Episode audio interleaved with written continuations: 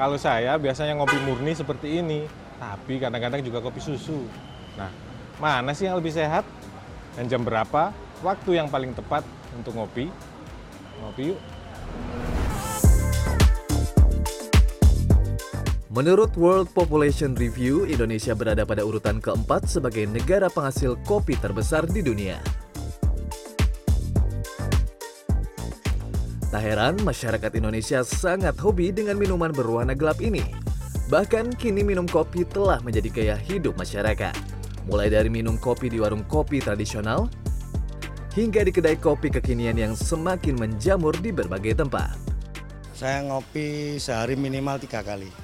Kalau pagi bangun tidur, kalau nggak ngopi gimana gitu rasanya.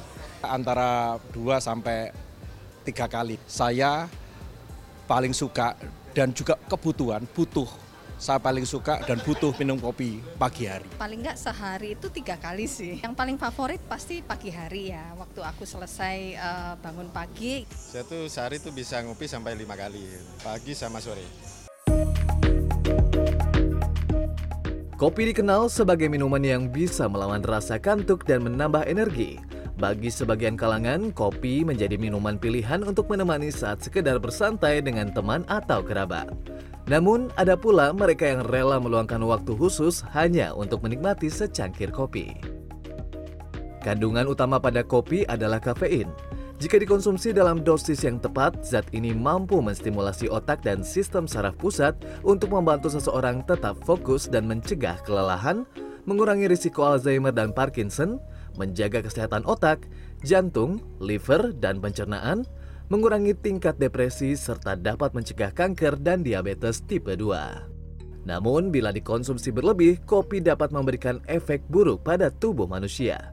Di antaranya timbul perasaan cemas dan gemetar, detak jantung tidak teratur, gangguan pencernaan, serta asam lambung dan sakit pada ulu hati. Dokter spesialis penyakit dalam Edward Mulyawan menuturkan kadar kafein yang aman menurut Badan Pangan yakni 400 sampai 500 mg per hari. Itu artinya kadar aman seseorang meminum kopi antara 3 sampai 5 cangkir per hari. Edward menambahkan secara medis kopi hitam yang dibuat langsung dari biji kopi adalah jenis yang paling direkomendasikan untuk dikonsumsi. Penambahan gula, sirup, kental manis maupun creamer sebaiknya dihindari. Yang tak kalah penting sebagai penikmat kopi juga harus tahu waktu yang paling tepat untuk mengonsumsi kopi agar tidak mengganggu metabolisme tubuh. Orang itu minum kopi dan juga yang bagus untuk kesehatan itu adalah setelah makan.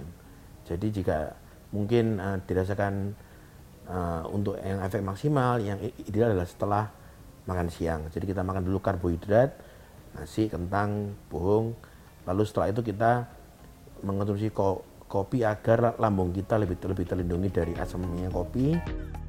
Agar kopi yang dikonsumsi tetap sehat dan aman bagi tubuh, berikut beberapa tips yang bisa dilakukan. Minum kopi tanpa pemanis tambahan, menjaga takaran kopi setiap hari, gunakan kopi organik dan alami, jangan minum kopi saat asam lambung sedang tidak bersahabat, dan yang tak kalah penting adalah memiliki waktu tidur yang cukup. Secangkir kopi ini membuat kita belajar bahwa rasa pahit itu bisa dinikmati. Mari hidup sehat dengan kopi. Agadipa, Heri Sudarmanto, Surabaya, Jawa Timur.